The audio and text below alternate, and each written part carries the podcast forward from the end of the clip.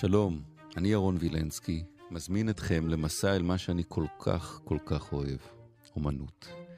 בכל פרק נהיה עם יצירת מופת, נלמד אותה, נחווה אותה מחדש. מתחילים.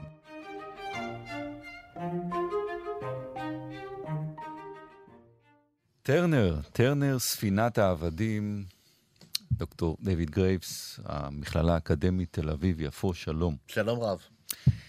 טרנר, אגב, לא אומרים את שמו המלא אף פעם וויליאם טרנר. זה הם אומרים טרנר עליו, טרנר, נכון? כן, הוא היה כזה איש יחסית פשוט. הוא לא אהב גינונים ו- ותארים ודברים כאלה, והיו לו גם הרבה שמות ראשונים. אז הולכים על טרנר. אז, אז, הולכים לתערוכה של כן, טרנר. טרנר. המשפחה קראה לו בילי טרנר והוא טרנר. ספינת העבדים, אחד הציורים המופלאים שלו. אה, מי שמאזין לנו, שיגש למנוע חיפוש ויפתח את הציור הזה, וגם יוכל ככה עם האצבעות, כמו שכולנו עושים, להגדיל אותו, כי אנחנו הולכים להיכנס לפרטים פרטים שלו. מה, מה בעצם הוא מצייר כאן? מה מתואר כאן? מבחינה, אה, מבחינה סיפורית, אה, הוא מתאר מצב שבו ספינת אה, מסחר בעבדים נקלט למצוקה בלב ים כאשר פורצת שריפה על הספינה. ואז במטרה להציל את הספינה, הם צריכים להקל על המסע. וזה אומר לזרוק לים את כל מה שאיננו חיוני, וכנראה שזה כלל גם את, המס... את הסחורה החיה, והם פשוט זורקים עבדים לים. נגיע לעבדים, נגיע לעבדים. בואו נתחיל ב... בספינה אבל. טוב, היא עולה באש, אבל מה שעולה באש זה ה... הים מאחורנית. לא, לא לגמרי ברור מה המקור של הקטסטרופה, בגלל שהקטסטרופה או האסון הגדול שטרנר רוצה כמובן להצביע עליו זה האסון האנושי. ולכן, אם זה העולם מתאכזר אליהם, או שזה הספינה מתאכזרת אליהם, אני מתאר לעצמי שזה פחות חשוב. אה, טרנר הוא צייר רומנטי, אה, ובתור צייר רומנטי, אה, החיים מונעים על ידי מאבק של, תמיד מאבקים של שני כוחות מנוגדים. ואחד מן המאבקים האהובים ביותר על ידי טרנר היה המאבק בין איתני הטבע מצד אחד, לבין האדם מצד שני. ולכן הרבה מאוד סצנות של ים סוער ו- וספינות נטרפות בלב עוצמה ים. עוצמה אדירה של הטבע העוצ... בציורים של טרנר, הדבר הראשון שאתה רואה. זה, זה כובש אותך, אתה לא, לא יכול שלא להתייחס לזה, כי חצי מהציור זה, זה הטבע תוקף אותך. אה, אותו דבר יש לו ציור מאוד מפורסם בשם אה, חניבל חוצה את האלפים. וכשכולם מציירים את חניבל חוצה את האלפים, אז מציירים פילים וסוסים וגדודים וחיילים. טרנר מצייר סופת שלג אחת ענקית, שאולי רואים איזה פלפילון קטן כזה באופק, כן? אז בואו נעבור לחלק התחתון של הציור. אם מתחילים בצד ימין, יש כאן הרבה דגים, נכון? דגים לבנים. זה, זה, זה... יש, יש... ו- וציפורים. הם, ו... טורפ, הם, הם, הם טורפים את, את הבשר. הם, הם את הבשר של העבדים. דגי, דגים וציפורי ים הרבה פעמים עוקבים אחרי ספינות מסחר אה, כדי לאכול, כי הם יודעים שמהשערים ומהזבל שהספינה זורקת, הם יוכלו לאכול. וזה וב... הסוף של אלה מצד שמאל העבדים. עכשיו, כשמגיעים לעבדים, באמת, הוא, הוא מצייר את הטבע כל כך יפה וכל כך מדהים, ואז אתה מגיע לציורים של העבדים, וזה כאילו הוא בא עם טוש שחור ועשה מין כמה עיגולים, בלי כן, פנים, כן, בלי כלום, כן. ו- ויוצר פה את הדמויות האלה. כן. Um, יש לו היסטוריה של מפלצות ים. אנחנו לא, אני לפחות, אני, אני לא בקיא בסיבות או במניעים, אני לא יודע אם מישהו יודע, אבל זו לא הפעם הראשונה שהוא מצייר מפלצות ים. אה, זה גם לא הפעם הראשונה שהוא מצייר מעין אה, דמויות מקל כאלה אה, בתוך הציורים. ההסבר היחידי ש, ש, שאני יכול אה, להעלות אה, על דעתי לעניין הזה, זה שהוא אמ, לא רוצה להיכנס יותר מדי לפרטים הריאליסטיים. אה, הוא רוצה מצד אחד להגיע אל הרמה היותר רוחנית של המאבקים הללו. אתה יודע מה? אולי זה אפילו מטאפיזי. כי הוא מעביר, תראה, אם אתה רואה את הדמות העליונה יותר, הוא ממש מעביר. יש את העיגול ואת היד, הזעקה, הזעקה של העבד שטובע. כן. זאת אומרת, אתה, אפשר לראות את הזעקה של העבד הטובע, אפשר גם לראות את הכידון של אה, אה, פוסיידון מלך הים. Hmm. יוצא משם. הרי הוא באמת צייר מפלצות ים מדי אבל פעם. מעל הפס... הקווים השחורים האלה יש גם ממש ידיים, ידיים שזועקות לעזרה, או ידיים כן, נכון. ש... שתוך כדי תביעה. ממש רואים דמויות של עבדים נזרקים, וממש רואים את הציפורים, אבל שוב, הפרטים הללו הם הפרטים הפחות חשובים, הם הפרטים של העולם הזה. אה, טרנר יותר רצה להגיע אל המלחמות של העולם שמעבר, אל העולם המטאפיזי, העולם הרוחני העליון. ומהבחינה הזאת, זה בעצם המאבק היותר אנושי-חברתי של אה, אנשים אשר סוחרים באנשים אחרים, באכזריות וכולי וכולי, כן. המאבק הזה הופך להיות מין מאבק מטאפיזי של אור וחושך. לפעמים אפילו, כשאתה מסתכל על הציור הזה, יותר קשה להסתכל עליו מאשר להסתכל על ציור מוקדם יותר בשנים קודמות, שאתה רואה מישהו נניח עם כידון או סכין תקועה בו. פה יותר כי אתה רואה אין להם תקווה. אבל חלק... אין, זה, זהו, זה, הם, הם טובים פה, תוך כדי שאנחנו מסתכלים הם טובים. כן. חלק מהקושי זה שבמקום ממש להראות לנו פרטים ריאליסטיים, בשרניים, ש- ש- של האירוע, שכל אחד יגיב לזה איך שהוא יגיב לזה, ברגע שהוא מגיע... הוא מנסה להביא את זה ל- לרמה הרעיונית, ל- ל- ל- של, לרמה האבסטרקטית של הר... עצם הרעיון, אוקיי? ואז כולנו צריכים בעצם להתמודד עם זה. ולהתמודד עם זה באותם התנאים, בגלל שהרעיון של רוע, זה רוע, חושך זה חושך, אור זה אור בשביל כולנו.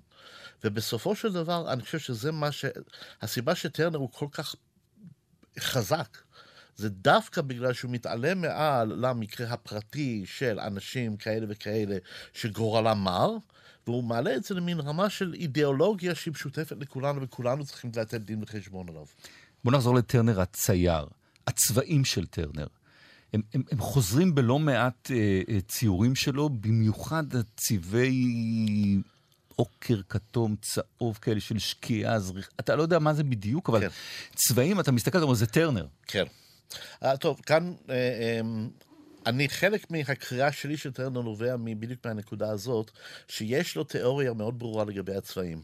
והיא? והיא התיאוריה של הפילוסוף הגרמני uh. אמ, מה שקרה זה שניוטון נתן תיאוריה לגבי צבע, איך צבע מתנהג כאור שמתפרק, ועם ניסוי המנצרה המפורסם, נכון. וזה היה בערך בסביבות 1710. והציירים מאוד מאוד התעניינו בזה והתחילו להשתמש במידע המדעי החדש הזה כדי לשכלל את תורת הצבע שלהם. מאה שנה לאחר מכן, אה, גתה ניסה אה, לשחזר את הניסוי של ניוטון ולא הצליח. לא יצא לו תפרוסת כזאת יפה של קשת צבעים כמו שיצא לניוטון, אלא יצאו לו שני קשתות. כאשר קשת אחת הייתה קשת של החמים, צהוב, כן. כתום, אה, אדום, אוקיי. קשת אחת הייתה של הקרים, ירוק, אה, טורקיז, אה, כחול, סגול, ובמקום שהם נפגשו יצא הירוק. הוא חיפש פתרון לבעיה הזאת. עכשיו, גתה היה אחד מן ההוגים הרומנטיים הגדולים ביותר שאי פעם היו. כל נשמתו זה הרומנטיקה. ומה טרנר עושה עם גתה? אז גתה הסביר שמה שקורה זה צבע נולד מהמפגש של חושך עם אור. ומה שהוא אמר כדי לעשות את זה, זה תרים מנצרה לחלון שיש בו ריבועים. אוקיי. Okay. ותסתכל דרך המנצרה, אתה תראה שהריבועים השחורים, כן, מצד אחד מהם אתה תראה את, ה, את, ה, את הספקטרום החם, ומהצד השני שלהם אתה תראה את הספקטרום הקר.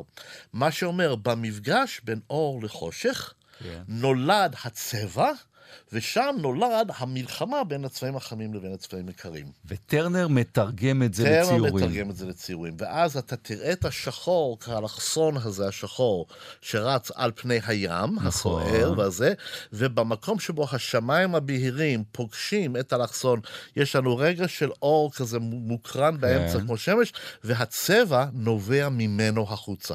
וואו. עכשיו, הצבעים החמים עולים למעלה, וכעיקרון הצבעים הקרים היו צריכים לרדת למטה, אבל טרנר הימעט אה, בצבע הזה. יש לי וידוי לסיום, מעולם לא הייתי בלונדון, ואני אומר שאם יש סיבה אחת עיקרית שאני אסע ללונדון... זה לראות את טרנר. לראות את טרנר, לעמוד מול טרנר. מה קורה כשעומדים מול טרנר? זה תלוי. הם שמו, הם שמו מערכת תאורה מחורבנת בתוך הגלריה.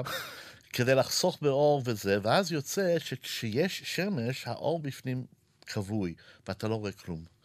וכשסוף סוף בא איזשהו ענן, והאור נפתח בפנים, פתאום טרנר קם לתסיעה. לנסוע בחורף. אז סע בחורף וחכה לשם, חכה, סליחה, חכה לענן השחור שיבוא. ליאור אריך, העורכת שלנו, בחרה את פרידום אה, של אנטוני המילטון.